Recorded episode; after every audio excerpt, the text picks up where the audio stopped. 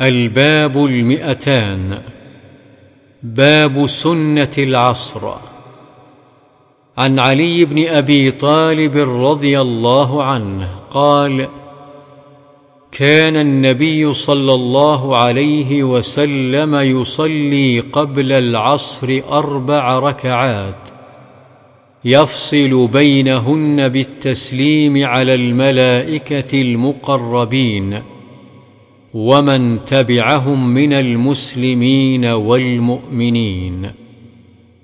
رواه الترمذي وقال حديث حسن.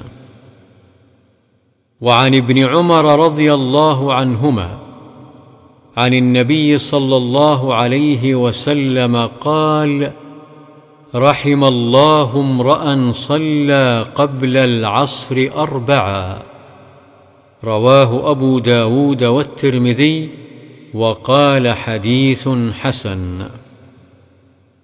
وعن علي بن أبي طالب رضي الله عنه أن النبي صلى الله عليه وسلم كان يصلي قبل العصر ركعتين.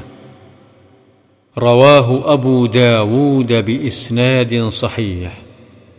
قال الشيخ الألباني لكنه شاذ بلفظ ركعتين والمحفوظ بلفظ أربع ركعات وبيانه في ضعيف أبي داود.